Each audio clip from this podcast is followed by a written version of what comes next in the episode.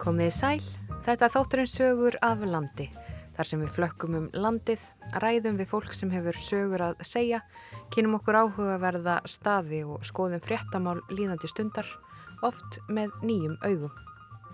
Ég heiti Gíja Holmgerstóttir og með mér í dag eru Þorgunur Oddstóttir, dagskrágerðakona á Norðurlandi og Ágúst Ólafsson, fréttamaður á Norðurlandi. Við förum í þrjár heimsóknir í þættinum.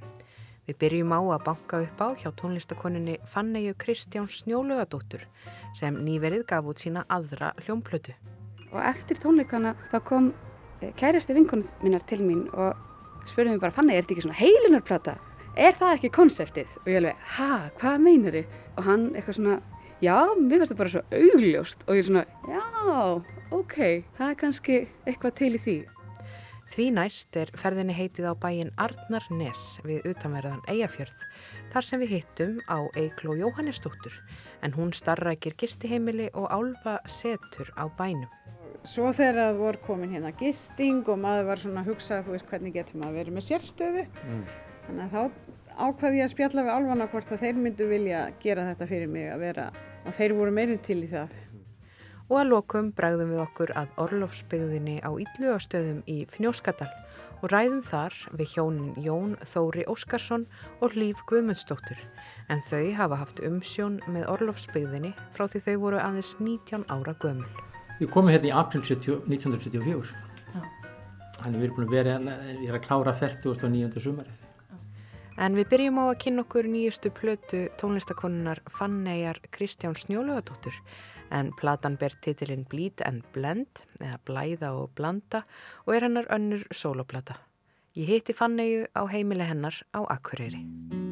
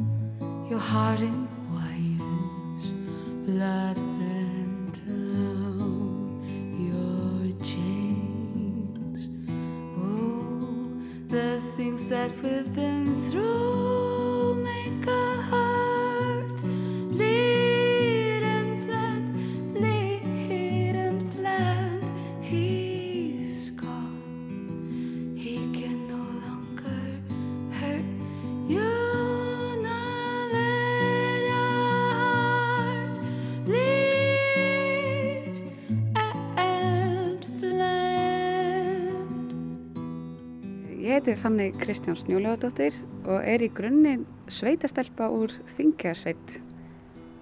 Ég bý á Akureyri núna og starfa sem tónlistakona og líka sem söngkinari í tónlistaskólanum við Eyjafjörð sem er mjög gaman.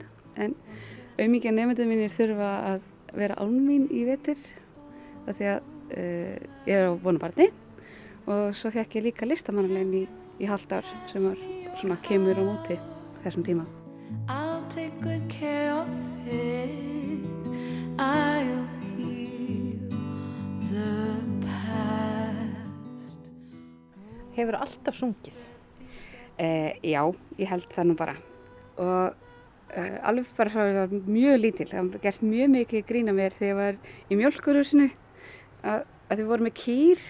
Það var náttúrulega svo mikið læti í mjölkurhúsinu. Og ma- og þú upplifir alltaf að sé enginn, að heyri enginn í þér. En svo kom sýstin mín einu svona hlaupandi inn og eitthvað, Fanny, meittir þig? Varstu bara að syngja? og ég svona, uh, ég var bara að syngja.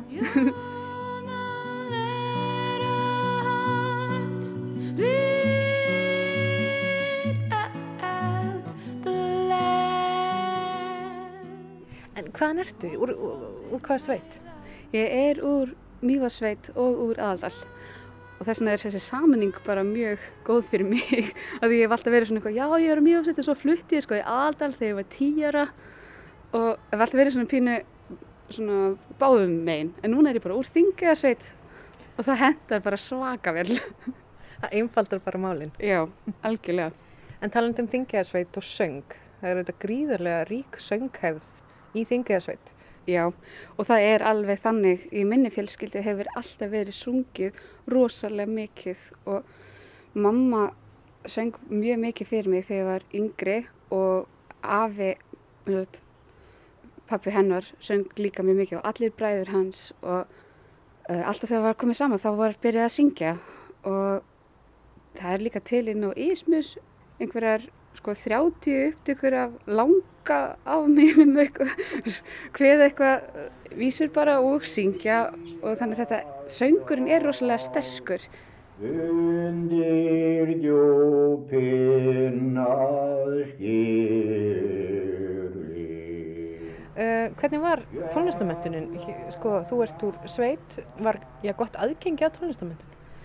uh, sko, ég var ekkert að hugsa um það neitt þegar við byggum upp í Mýjarsveit en svo þegar við fluttum niður í Aðaldal þá var mjög góð tónlistarkensla í, í Hafleikaskóla og uh, hann heit Robert Folkner og svo var með hann konu sem heitir Juliet. Þau voru hjón og þau, þau byggðu upp mjög sterka tónlistardeild þar sem er ennþá bara mjög virk. Þannig við vorum alveg við vorum í kór og en við lærðum tónfræði og ég var eitthvað að læra á blokkflötu og það var sko ég var sko góð á blokkflötu ég var ekki bara, þú veist, góða mamma á blokkflötu uh, og það var tónlistaval og við vorum alveg að vinna skapandi vinnu þar líka. En svo byrjaði samt ekkert að fulla að læra alveg tónlist fyrir bara upp á 20 sko. Þá var ég bara nei, ég, þetta, er bara, bara máli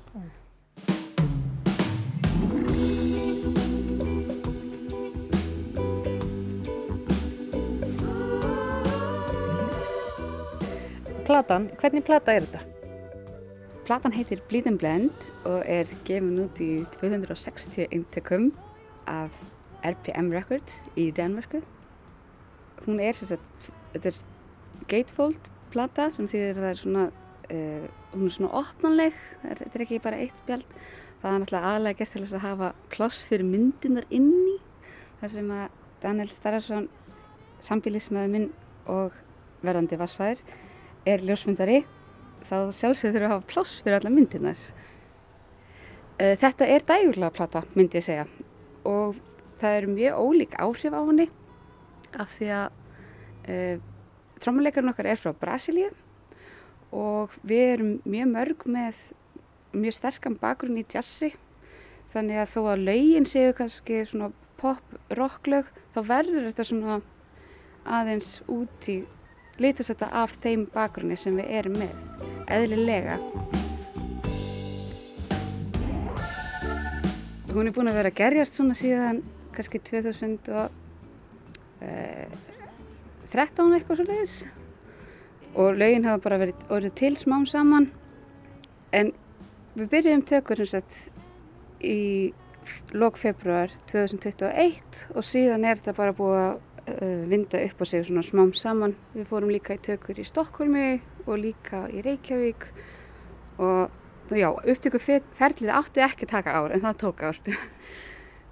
En er það ekki oft með plötur? Allt í einu bara eh, er liðin miklu lengri tími en, en, en áætlað var. Jú, og svo vorum við líka alveg að leifa okkur að hérna, ef við vildum hafa Hammond þá bara pöntuðum við Hammond og gerðum það bara alveg, vorum ekkert eitthvað að gefa einhvern afslátt af þeim hugmyndir sem við fengum.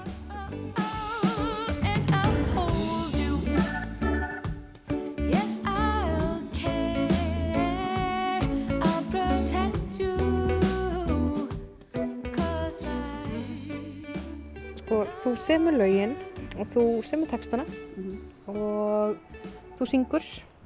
Hvernig er svona sköpunarferli? Hva- Hvað byrjar og, og, og hvernig virkar það? Já, í rauninni þá byrjar þetta allt út frá tilfinningu. Og lögin eru eiginlega öll um svona speil inn á mitt innra líf akkurat bara þegar að þau koma. Og það er svo skrítið að þau koma ekki uh, endilega svona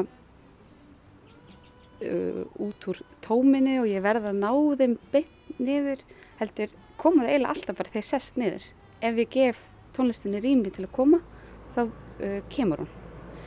Uh, og þá kemur oftast bara eiginlega allt í einu. En svo er ferlið uh, þó að ég segi mig komið þetta og leggjum mjög mikla áherslu á áferð og, og tilfinningu uh, svo legg ég það í rauninni fyrir hljóðfarleikarna sem er að vinna með mér og þau í rauninni skapa þennan heim sem að lægið er.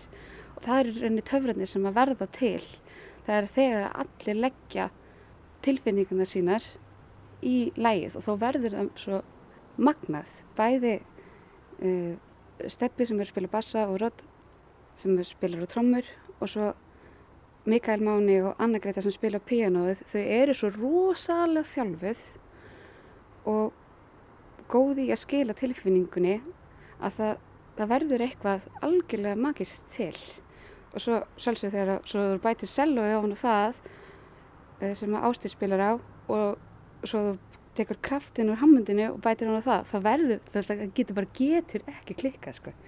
En það, þetta fór algjörlega fram úr mínum björtustu vonum samt hvernig þau bara spiliðist saman og hvernig þetta varð allt á endanum bara það er, ég er alveg rosalega ánægð með það. Þú segir að þetta sprett upp á tilfinningu. mm Tilfinningin kemur fyrst og, og þú semur einhvern veginn út frá því. -hmm. Tekstarnir eru, ég svona, maður hlustar á lögin, þeir eru tilfinningaríkir. Mhm. Hvernig nálgæðastu bara tekstasmiðina? Já, hún kemur nú bara svona, já, hún speklar bara um svolítið svona mitt innra líf á þeim, þeim tímapunkti sem hún kemur. Uh, já, og þau endur spekla bara alls konar tilfinningar á alls konar tímapunktum uh, og það er bara eins og allar manneskur eru, þú veist, þá er ég bara með allar tilfinningarnar.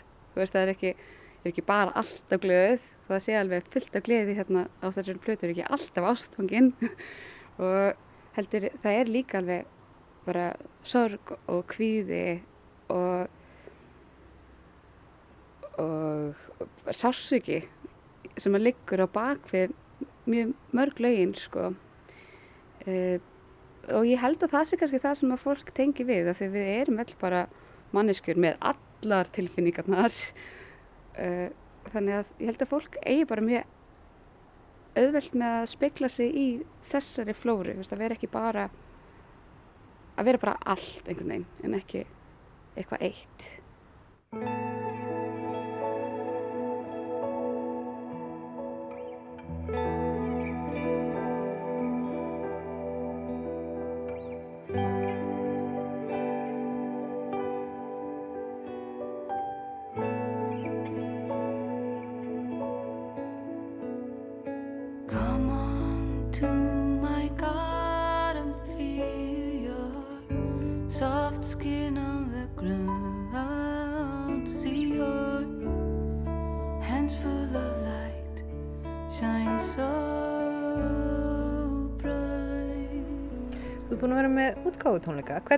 Viðtökurna verið?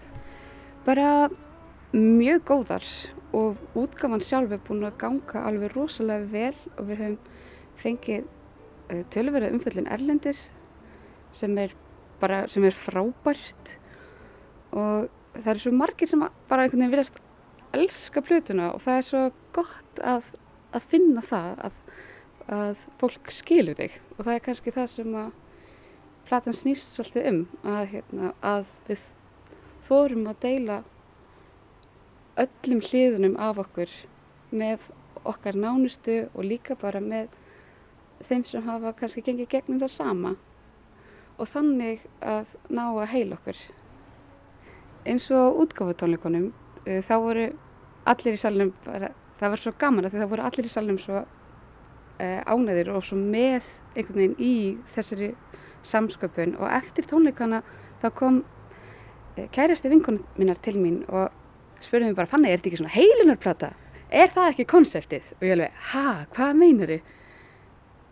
Og hann eitthvað svona, já, mér finnst það bara svo augljóst og ég svona, já, ok, það er kannski eitthvað til í því af því að uh, platan í rauninni og lögin spretta upp úr mjög erfiðu tímabili í mínu lífi sem að var á milli 20 og 30 og já, þetta er svona kannski lók þess tímabils og svo alveg til dagsins í dag. Og ég er búin að ná að einmitt að deila það miklu með öðrum og spegla það sem gerðist í bæði uh, mínu nærumhverfi, bara vinkonu mín eru búin að þóla mig alla þennan tíma til dæmis.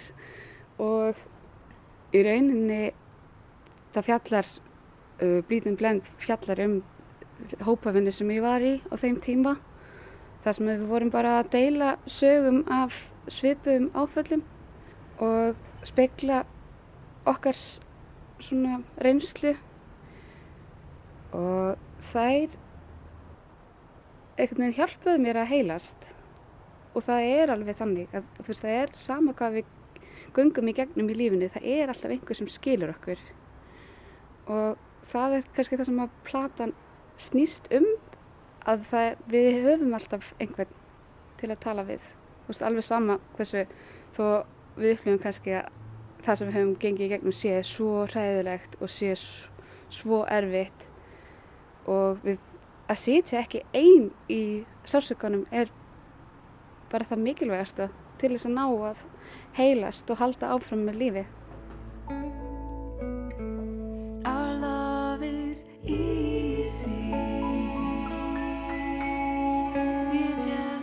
Þú sagði mér hérna í byrjun að hérna, þú ert vunum barni og þið er. Já. Og þá er þetta eiginlega bara svona tvöfalt sköpunarferli. Þú ert að fylgja plötunum þinn úr hlaði mm Mhm. því að ganga með eitthvað fyrsta barn. Hvernig Já. er þessi tilfinning? Hún er bara mjög góð og ég líka finn svo stert líka þessi þáttaskil sem er að eiga sér stað einhvern veginn í mínu lífi, þú veist, allt sem er vond og erfitt er búið einhvern veginn og svo er að taka við einhvern veginn nýtt tímabil með bara sól og fugglasöng og einhverju. En það, ég veit alveg að það er ekkert grín að eiga barn og ég á það alveg það mörg frændsískinni og það er marga vinkonur sem eiga börn. Þetta er ekki alltaf bara eitthvað walk in the sun sko, afsakið skulle sletta. Uh, en ég finn að lífið er einhvern veginn að breytast og það er mjög gott að vera búin að gera upp það sem hefur verið erfitt og ganga þá einhvern veginn uh, hvað það segja, heiluð inn í, þenn, inn í þetta Heiluna plata, Já, eins og, heilunarplata. eins og var hérna sagt á tónleikunum. Já, ætli það ekki bara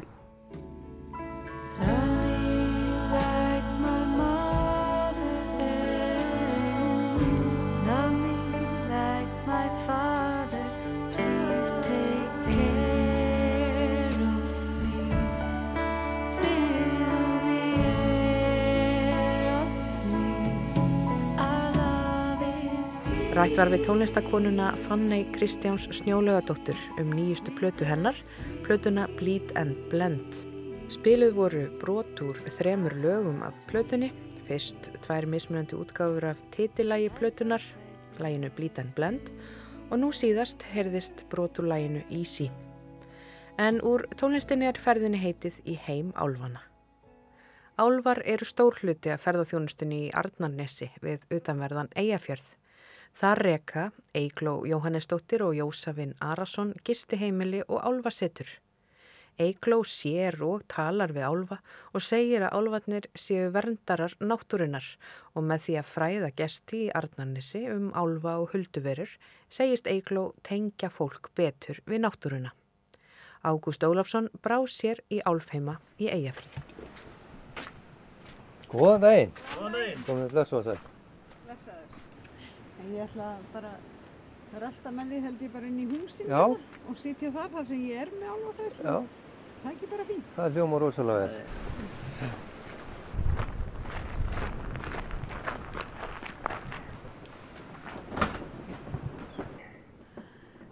Ég heiti Eigló Jóhannesdóttir og bý í Arnanesi í, í hérna Hörgársveit Mm. og er hér, eða þetta er eiginlega Arnanes álfasetur þar sem að ég hef verið að svona bjóða upp á álfagöngur og, og hérna, fræða fólk um álfatrú á Íslandi. Já, maður reykur ónefndalega stór augu og, og þegar maður sér þetta, Arnarnes álfa setur, en e, við erum komið hérna inn í, inn í, já, ég get ekki betur séð en hér sem svona matsalur og, og hvað? Þetta er gistihúsið sem að, þetta er gamla fjósið sem við byggðum og breyttum því 2017 í gistiheimili fyrir, með sex herbergjum og hérna sal sem að við höfum verið svo sem að bæði bara fyrir gesti sem að sitja og spjalla eða við höfum líka verið að leigja út fyrir viðburði og hefum verið með veislur og annað. Þannig að það er ímislegt, í kringum álfana. Það er allt mögulegt kringum álfana sko. Því að álfarnir komu til löngu áður en að ég fór í hérna, gistibransan. Ég var í myndlistaskóla Arnar Inga fyrir margt löngu. 2009 útskrifast ég þar. Og eitt af útskriftaverkefnunum mínu var að mála nágrana mína. Erni Inga fannst ég svolítið sérstök. Alltaf að tala um heilun og eitthvað svona, ekki alltaf. En hann vissi að ég var svolítið svona sérstök. Þannig að, þannig að hann setti mér þetta verkefni fyrir að mála nágrana mína. Þannig að ég náttúrulega tek alltaf áskorunum og, og hérna, settist niður og tengdi mig við álfa heima eða huldu heima og það er svona, fyrir mér er þetta bara misjafna vittir, þú veist, það er huldufólkið og það er húsálfurinn og það er blómálfarnir og, og það- sagt, hver það kom sem sagt eh, hérna álfur frá hverri hvað að segja, hverjum flokki eða hvað að kalla þetta og sagði mig hvernig þeir lifðu. Hafmeyjan og, og marbendillinn og, og sem er hérna við sjóinn og þannig að ég tengdi mig við þetta og þeir voru að segja mér sögu sína og svo þegar það voru komin hérna gisting og maður var svona að hugsa þú veist hvernig getur maður verið með sérstöðu? Þannig að þá ákvaði ég að spjalla við álfana hvort að þeir myndu vilja gera þetta fyrir mig að vera og þeir voru meiri til í það. Því að þeim langar til þess að fólk viti hvað þeir eru að gera og því að þetta eru náttúrulega bara náttúruverur og við erum náttúrulega alltaf að reyna að tengja okkur við hérna náttúruna og allir svo hérna já og þeir, þetta er bara verndara náttúrunar, álfarnir fyrir mér álfarnir og huldufólkið og, og, og hafmeyjan í sjónum, hún verndari sjáardýrana og allt þetta Hefur haft eh, svona þennan hæfileika bara frá því þú varst, varst barni eða hve- hvernig byrjaði þetta? Þetta er alltaf fyrsta spurningin. sko, fyrir mér he- hefur náttúrulega bara álf, álfar og huldufólk verið bara eitthvað venjulegt, skilur þau. En maður náttúrulega þroskar þetta með aldrinum. En ég hef aldrei efast um að væri til álfar og huldufólk ef þú ert að spyrja því eða eitthvað svoleiðis. En það er ekki fyrir að maður fyrir að þróa og þroska sína, hvað segja, hæfileika sem að ég fer svona að tengja mig eða fyrir að hafa sjálfströst til að hérna, tengja mig við álfa heima að, að svona á setni árum sko eða setni hluta æfinar. Ég er nú svo gömul sko. En, en þetta er sem sagt, hér er, er gistingin og matsölur en, en svo ertu með hvað, bara sérstakka aðstöðu sem fólk getur bara komið í álheimana. Já, já, þar er ég með aðstöðu þar sem að þú getur komið og, og ég fræði þau um álfana og, og huldufólkið og þú færð og þar líka er ég að bjóða upp á álfaheilun. Hluti af álfagöngun er það að þú, ég legg þig á gólfið og, eða þú leggst á gólfið og, og hérna ég kalla á, kalla á álfana og þeir koma og, gefa álfa eins og ég kalla álfaheilun. Sýndu mér aðeins í, í, í þér. álfheimana. Þeir blakta fánarnir í rokinu. Já, já. Það er ansið sterkur sunna vindurinn núna. Já, óvinni sterkur með við hér sko, Já. að nær sér nú yfirleitt ekki í sunnunáttinni hérna. Já, akkurat. Já. Þarna er, kemur maður strax í, í alls konar búskap, greinilega. Þetta, er- eh, þetta var í fyrstu, þetta hús var fyrst sem sagt fjárhús, Já. síðan var það hérna fjós, síðan hesthús Mm. Og svo er það svona bara allt mögulegt núna. Og þar á meðal nota ég undir jóka og, og dansstúdíu og, og alls konar, alls konar. Og hér eru álfa fræðslunar. Hér setjumst við niður og, og ég spjalla um álfana og segi hvað, hvað þeir eru að gera og þannig. Og aðalega er ég nú að fræða útlendingana ef þeir eru hérna. Því þeim langar að vita af hverju þetta er svona mikið á Íslandi að fólk sé að tala um álfa og finnst, finnst svona, já, bara sjálfsagt að tala um álfana. Og, og þannig að ég er svona svolítið að fræða sérstaklega útlendingana um af hverju þetta er svona opið fyrir Íslendingum. Það er náttúrulega svo stutt síðan við skr- skriðum út úr hólnum, sko. þannig að, já. Hvernig, hvernig lýsur það álfi fyrir mér? Hvaða? Er þetta að tala um húsálfinn sem að stendur innan við hliðina á þér eða hann er mjög mikið hérna? Já, til dæmis, ég sé hann ekki. Nei, nei. Ál, hérna, húsálfurinn hann er ekki mjög stór sko. Hann er svona uppindi meter eitthvað svo leiðis og mjög oft með svona einhverjar grænar húur og, og hérna í svona rauðum fötum og, og þannig. Rauðum, einhver rauðum og grænum fötum fyrir mér. Og þetta er húsálfarnir eða hérna húsálfurinn. Það er þessi sem er að stríða okkur þegar við tínum til dæmis hlutum og þá hérna, er mjög algengt að það sé nóg að segja æ, ég veit þú þurftir að nota þetta, nú þarf ég að nota þetta og þá bara eftir smástund er maður búin að finna hérna það sem að var tínt. Það er bara mjög algengt. Já, ég hérna held að flesti kannast nú við þetta að, að það hverfur allt í einu eitthvað og svo er það komið aftur. Allt, já, á sama stað þar sem þú lagði það frá þér. Þannig að er, þetta eru húsálfanir sem er að stríða okkur og þeir fylgja okkur hérna, fylgja sko húsunum, stundum húsunum, stundum fólkinu. Það, stundum ef þú flytur þá fara þeir með þér en það er ekki alltaf. Stundum vilja það vera í húsinu áfram. En e, svo eru álfa bara hér, já, um allt Arnarnesið eða hvað og, og margar, margar tegundir eða hvað. bara sko fyrir mér er hérna eins og hafmeyjan í, í fjörunni og marbendillinn og, og svo er huldukonan í kvamminum hérna söður og upp og, og svo er álfurinn hérna í hólnum hérna upp frá.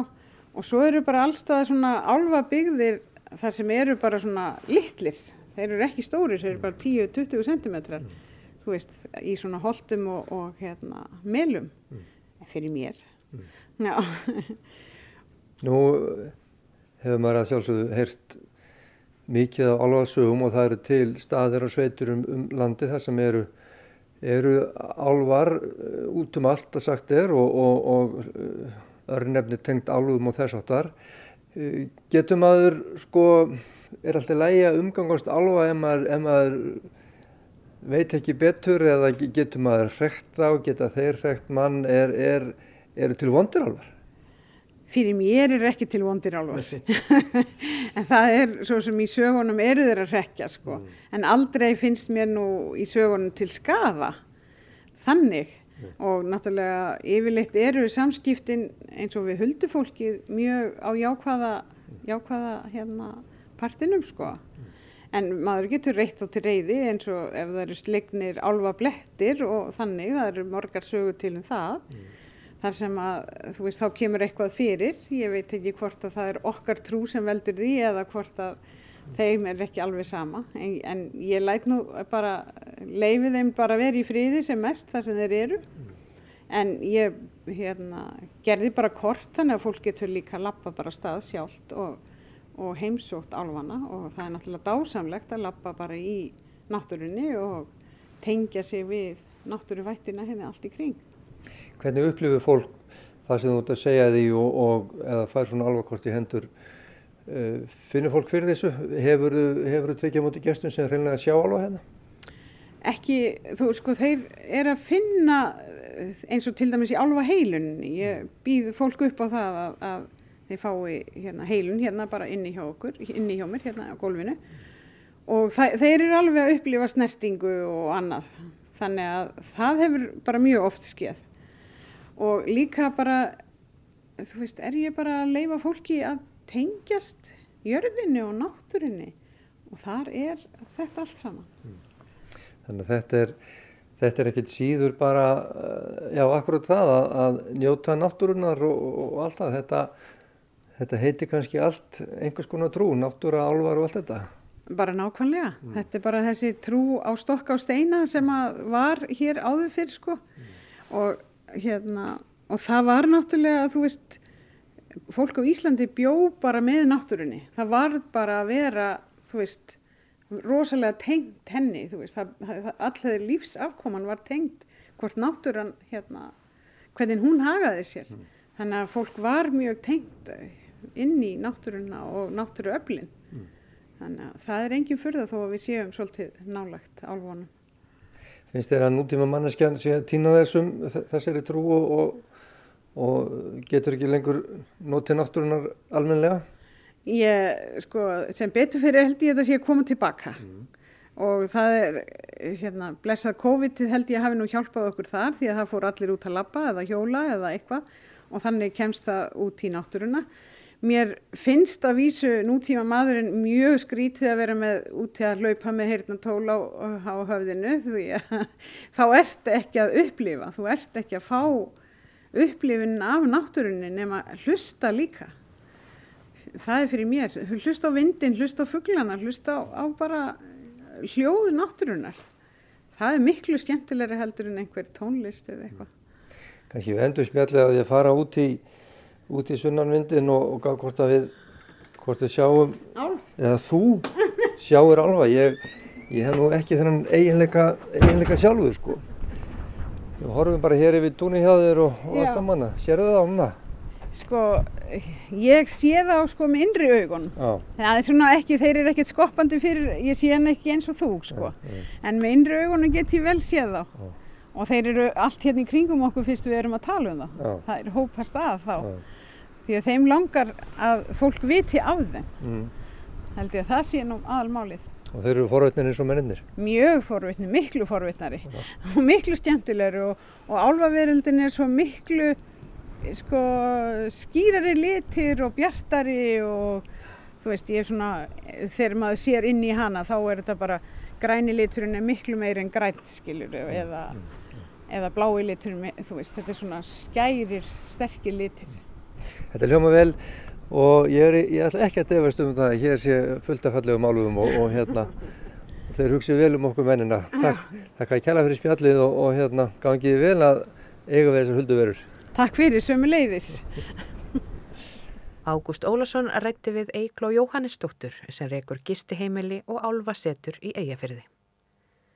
En frá álfunum er ferðinni heitið í Orlofsbyggðina á Íllugastöðum í Finóskadal.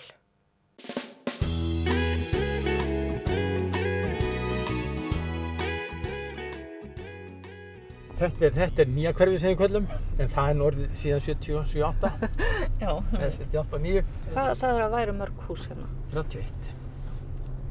Og eins og núna, núna er, já, by- byrjun september er, er uh, gestir í flestum húsum. Það verða held ég flestir, í flestum húsum um helgina.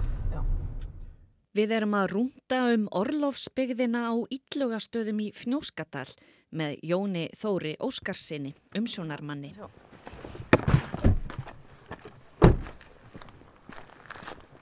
Þannig að þetta er svona einhver samkomusalur. Já, þetta er sem samkvæmsalurinn sem Já, er, sem er sambyggður íbúrhúsinu. Já. Hann hefur verið notaður undir, Veislur og já, svona. veislur og það var hérna gamla, það voru með diskotek eins og mjög ykkur, sko. Já, í alvöru. Já, já, það var fullum salur, Var diskotek á, á, um helgar. 15. Það er ekki að endurvekja það. Ég, það væri mjög gaman. En það var mjög mikið vel sótt, sko. Já. Hér á Illugastöðum hafa Jón Þórir og Hlíf konanans ráðið ríkjum í nær 50 ár. En nú er komið að tímamótum. Blessuð. Er ekki skalt að sitja sko? Jú, allir það ekki bara. Það það er bara. það er allt undir lagt. Já, þið eru bara að pakka Það niður. er að pakka fyrir. Já. Ég heiti Jón Þóri Óskarsson. Ég heiti Hlíf Guðmundsdóttir. Ég komi hérna í april 70, 1974. Já. Þannig við erum búin að vera, hérna, ég er að klára 49. sumarið. Og, og nú eru þið bara, ég sé að það eru, þið eru að pakka hún í kassa og, og eru það á, á förum. Já, nú förum við að flytja til Akureyri í lok september. Þannig það er verið að pakka hér og undirbúa íbúðu Akureyri sem við hefum. Hvernig kom það til að þið uh, já, komið hingað eða fóruð að vinna hér? Það var þannig ég var, á- var vann á plastiðinu Bjargi og í hádeginu þegar kona kom úr vinninu sem hún var að vinna kom auðlýsingum þar sem var auðlýstarfið lust og sagði mér að við skildum sækja um þetta eða ég skildi sækja um þetta.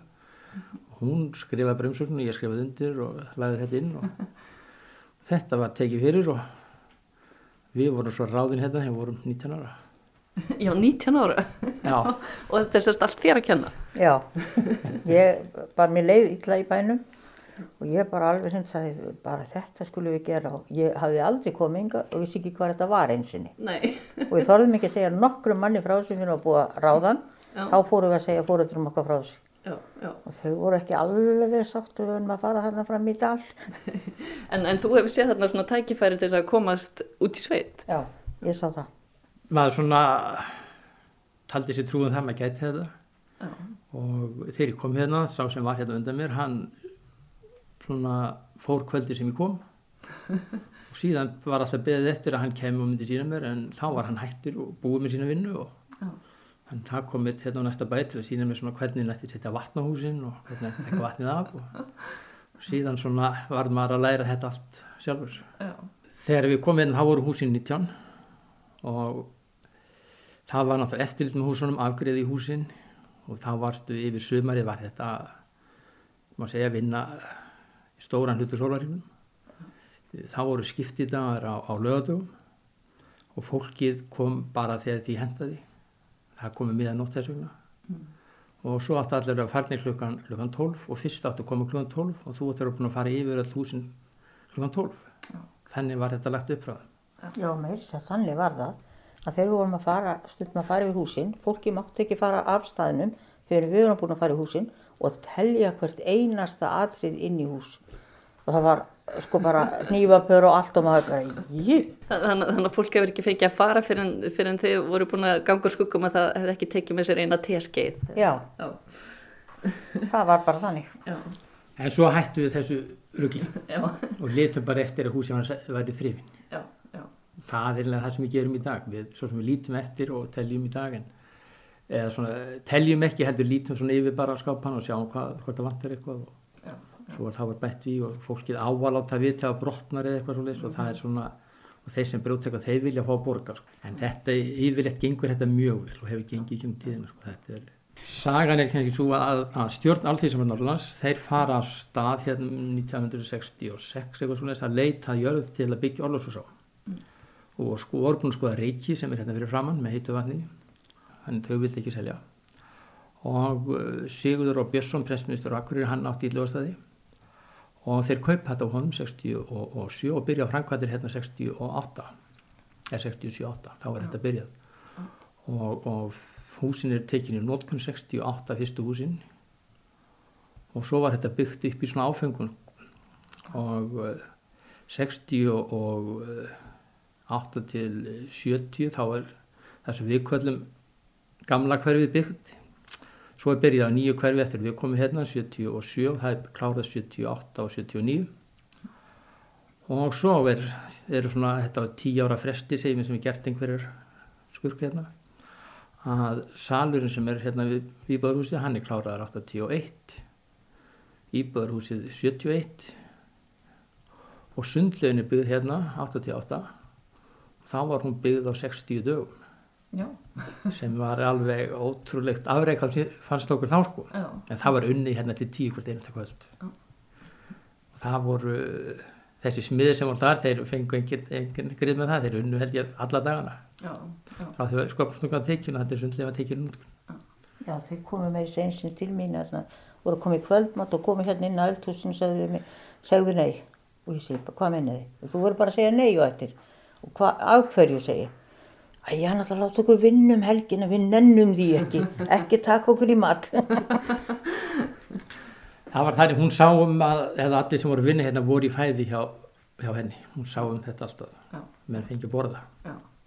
þetta var það byrjaði að morgnan og unnið fram á kvölda þannig að þetta er endur í kvöldnum klukkan tíu Og þetta er svona á þeim tíma þegar, að- þegar að kallmaðurinn er ráðinn í vinnu og, og konan bara fylgir með og það er bara ætlast þess að hún eldi og, og gera alls konar. Já, það var þannig. Það var þannig og, og hérna, eina skilir sem var þegar við vorum hérna, það var að eiginkonan tæki við kaupfél, hérna, útibú kaupfélag Svalbasera sem og ég gerði og hafði aldrei, ég var inn í halva mánu í einhverju veginn og hérna, og gerði það svo og hérna, svo þegar þeir fóru um koll þá ætlaði ég bara að hætta þessu og fara bara að vinna, venjulega vinnu. Já. En þá bara var það þannig að ég og setti þetta yfir minn kostnað og rak þessa verslun þangað til bara núna í sumar. Já. Og hérna, en ég var alltaf í vinnu, en ég fekk ekki laun finn eftir 23 ár. Í alvöru. Já, því miður, þá var það þannig. Þú bara ert konarnas, bara vinnur. Ég gerði húsin hrein og allt og sló og nefndi bara það sem þurfti að gera. Einmitt. Og þú einn og launaskrá. Ég sko. Já. Þannig var þetta fyrsta árin okkar alltaf. Já, já. Þannig að þetta var svona, já okkur líkaði vel starfið sko og samfélagið var mjög gott fannst okkur. Já. Mjög gott að búa í þessu sveitafélagi. Það var svona það sem að held okkur hérna alltaf öll þessu ár. Það var, starf, mér líka starfið vel og sveitafélagið mjög gott. En þegar þið komið hingað 19 ára gömul, eh, þið sáu kannski ekki fyrir ykkur að þið eruðu hérna í 50 ár. Nei, nei, ég ætlaði að fara að læra sjúkra við hann. En gerði smá hlýja. Ég var að fara að læra bifurlevirkjum og frestaði því kannski 2-3 ár. Já, einmitt. Frestun er enn. Já. En, en þið hafið samt fundið, já, snemma að, að ykkur liði vel hérna og, og vildu vera hér. Já, hér var tekið óskaplega vel á móttökur. Það var fólk hérna á bæjunni kring, þau voru bara eins og fóreldra okkar. Og Þetta var bara alveg meiri háttar og við fórum í ungmennafélagið og, og svo fór ég í kvennfélagið og kirkukorun og við kynntust fólki á öllum aldri. Og það var bara, við getum aldrei sagt annað en hafið tekið vel hérna við okkur.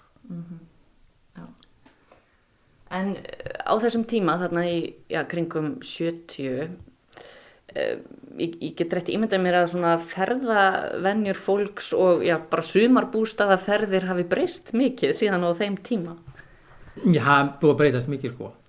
Fyrstu árið sem þetta var hérna, þá var kerði, eiginmann kerði konu í sögumbústað, fór svo í bæinn held áfram að vinna. Kona var bara hérna og þá kom bara bíl frá kauplega verkamanna einu sinni í viku með mat, eða pantanir sem fólki var búin að panta sko. Og þá var sveitasíminn sem var náttúrulega eins og var í sveitum. Og svo þegar bílinn kom, þá þyrtist fólkið utan um bílinn til að ná í vörðuna sinna. Og þar, þá var í húsvonum bara pínlillir ískapur svona undir bekk. Þannig, að- þannig að konurnar og börnin hafa farið í sumarbústaðan og, og pappi þurfti að vinna. Já, þannig var þetta hérna aðeins fyrir. Og svo svona, eh, ég segi, eftir að við komum hérna, þá er, maður segi kannski að aðal salan í búðinni, fyrsta árin okkar sem vorum, eða hún var með búðina, að það var selt mikið af saltkjöti og súpukjöti og síknu fiski. Já. Og þá í húsunum voru bara tvær hellu til elda á. Og þetta var eldað og, og ég man sko fyrsta grilli sem, ég, sem kom hérna, það kom einhver með grill með sér og ég held að vera kviknað í húsinu og rauk upp í húsi, ég held að vera alltaf brenna það var hann að grilla þannig að þetta átti þess að það sáði það var einhvern annar eldunamáti Já, einmitt. Og núna vendanlega fer, já, örgulega bara nánast engin hingað á þess að, á þess að grilla. Nei, hann kemur enginn held ég á þess að grilla og, og uh, ef að grillið bilar sko, þá ringir fólk og, og letur vita að það hefur keift bara grillkjött og veit ekki hvað á að gera. Nei, Getur ekki elda kjött öðru sinna á grilli að þetta er grillkjött. já, einmitt. einmitt. Þetta er svona, þetta er búið að breytast alltaf mikið á þessum árum. Sko. Já, og ekki kannski oft núna sem að þið finnið lykt af signum fiski þegar þið ferða að kíkja í húsin. Nei, ég held að það sé örglega engi sem kemur síðan fisk með sér í hús í dag. Já, og maður segja líka sko, eðlilega vestlar fólk í stórmarkaðun áður en það kemur. Það, ég, sko, ég, mena, ég skil það vel. Og, og grundvöldur náttúrulega fyrir búðarekstri hefur eiginlega hrunið bara núna í síðust ár. Já. Það var íssala, það var eiginlega mesta sem var að segja og gos. Þegar að búðin var uh, í kellarann í húsinu með 19, þá vorum við með stóran fristir. Og fólk, fólk kom með heilu kjötskokkan til að fá geimi fristir þessu viku og var- kom svo til að ná sér í kjöti, Já. Já. Að þetta var svona, já, já, þetta var svona öðruvísi fannst manni. En eh, hafa þetta alltaf verið, já, aðalega akureyringar sem eru að koma í húsin eða, eða er þetta fólk bara svona af öllu Norðurlandi eða, eða lengra aði jafnvel? Það hefur komið af öllu landinu. Því það eru fjölu búin að vera hér enna frá upphafi að uh, sunnan og eru hér ennþá. Þannig það kemur fólk af öllu landinu og hefur verið alltaf tíð. Já. En mest hefur þetta verið frá Akureyri hérna áður fyrir. Nú er svo sem einingið á flest húsin hérna en notar svona helmingina þeim í skipti húsan sem annars þar á landinu. Já, já. Þannig ég held að það sé svona það sem að eh, þægilega fyrir félagin eiga húsin svona nær sér og, og skipta svo bara við Já. önnur félag. Það sé svona framtíðin í þessum ólásúsabíðum. Og er mikið um að fólk komi jafnvel ár eftir ár? Sumt fólk verður búin að hitta hér í Já. 30-40 ár. Já, já. Sumir koma hér, eftir að, eftir að var opnað hérna í gamla dagi sem það var, var bara lokað hérna á haustinu meðan september. Svo var ekki opnað fyrir aftur í júni. Já. En svo var farið að opnum páska og þá voru húsinu vísu vasslus. Þannig fólki gæti farið í kellarinn húsinu með 19 til að ná sér í vatn. Fekk bara 30 lítri mjölkubrús í hvert hús og þar hittust allir á mótnana við að ná sér í vatn. Og það fannst sumu mjög, mjög sniðut og skemmtilegt að hitta fólk alltaf. Og svo þegar að uh, nýju húsin sem við köllum sem var byggð 78 og 9 voru byggð, þá er vatn á þeim húsum alltaf verið, þannig að þar gætt fólki fengið þau hús með vatn um páskana. Já, Það var mikil breyting en sumu fannst að vanta þetta að hitta fólkið já, já. og það er fólk sem að eitt sem á fleiri sem að hafa já hann fættist einlega hérna í húsinu um páskar og hefur allir til verið hér um páskar þegar hann fættist Já. kemur að hefur komið alla páskar En hvað gerðu þið þá á veturna ef að það var lokað í húsunum yfir veturinn? þá mátti nú, fyrsta árin átti nú lít, það gera nefnum lítið eftir húsunum sko. þannig að tímin átti yfir sumari þetta deildist að yfir veturinn bara líka sko, eða vannst mm -hmm. mörgundur tíma hverju mánuði yfir sumari það var jafnat, jafnat eða, já, jöfnur var náttúrulega góðir og deildur þessi yfir ári sko. og þá varstu bara lítið eftir húsunum að væri á staðnum og fikk ekki burtu og láta vita að eitthvað verið illa og en það var lítið sem var gert fyrsta árin. Svo fórum við að taka þetta gegna mála og gera Já, já. og, og hugsa meir um viðhald sem var svo sem fyrsta ári mi- mjög lítið. Þetta var það nýlega já, svo var vaksandi viðhald á þessu. En sumurinn hafa þá verið bara já, vinna frá mótin til kvölds og jáfnvel á nótunni líka. já það var, þú byrjaðar allar mótna þá var bara lítið hand- svona garðsláttu sem var staðinn og þú slóst með henni allan daginn svo fórst á kvöldirinn að taka heið og kera því í burtu og kera það, því hérna kom meðla til að græða þá upp og þannig þetta var, þetta var mikil vinni við sumarið en svo var minna yfir vetturinn þar til að fara að leiða þetta yfir vetturinn húsin þá hefur þetta vaksið mjög yfir vetturinn sko. En þetta hús sem þið búið í, uh, það er bara byggt fyrir umsjónamann. Er, Já, þetta var byggt bara fyrir umsjónumenni þegar það er gert og, og, og samkomsalvi við liðina til að hafa, já, það hugmyndi var svo að hérna geti fólk fengið að kæft mat og annað þessar og það er svo sem var pröfað hérna. Þetta út alveg, það verið grundstur að selja mat hérna. nei, þarna í kringu 70, þá hefur náttúrulega verið líka daldið lengra að fara hingað, eins og bara frá Akureyri, heldur en það er núna. Núna er þetta bara sko túr. Já, þetta er búið breytast mjög mikið frá því, sko, því það var, yfir sumari þá var að varla heiða vegurinn bara, gamli góði og vetturinn þá var það bara dalsminnið og. Og, og svo uh, stýttist þetta mikið hans núku þegar, þegar vikurskari kom og uh, þegar að göngi komið þá var þetta lúksus og ekkert mál að renna á milli orðið, sko. En nú eru þið, já, bara byrjuð að pakka, pakka saman, sé ég, hvenar ætlið að vera farin? Við stefnum að vera flutt hérna út til lóks eftirbyr. Já. Það er svona, eða ákveðið að við verum farin út til lóks eftirbyr. Já. Og, og eru þetta blendnar tilfinningar að vera hvaðja illuvastæði? Já, að vissu leiti. En samt svona líka raun og veru bara, við við erum sátt við að vera að fa- að hætta. En ég held að við munum sakna sveitar félagsins. Við munum kannski verða bara hér eins og gráir kettir, hérna bara á bæjum og, og kannski förum við að fara á milli bæja núna. Egið ekki bara eftir að leiði ykkur alltaf sumar, sumarhús hérna á sumrin? Jú, kannski gerum við það nú. En það er bara svona, ég meina hérna eins og var áður að við fórum á milli bæja, ef maður ætlaði, þá fórum maður á stað. Fórum að vera kannski nær í tvo tíma á leiðinni. Það var samt þess að spila og eitthvað svona. En hvað tekur þá við núna hjá ykkur? Ætlið þið bara að fara að slappa af, fara í eitt allsherjar sumarfrí?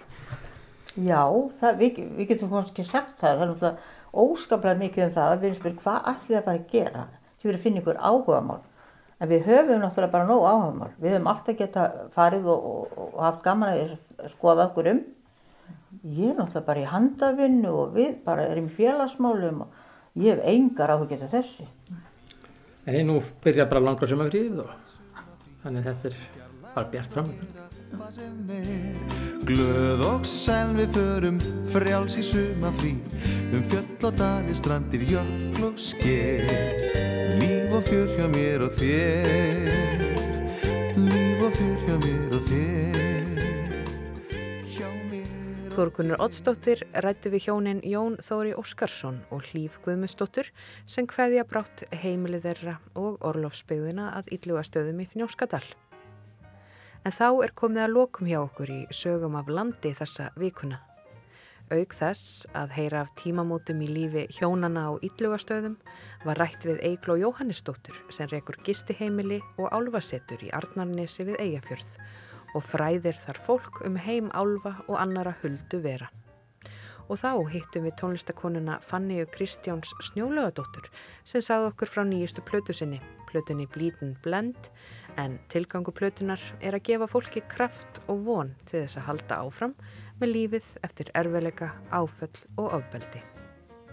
Við minnum á að þennan þátt og aðra sögur af landi má finna í spilara Rúf og öðrum hlaðarsveitum.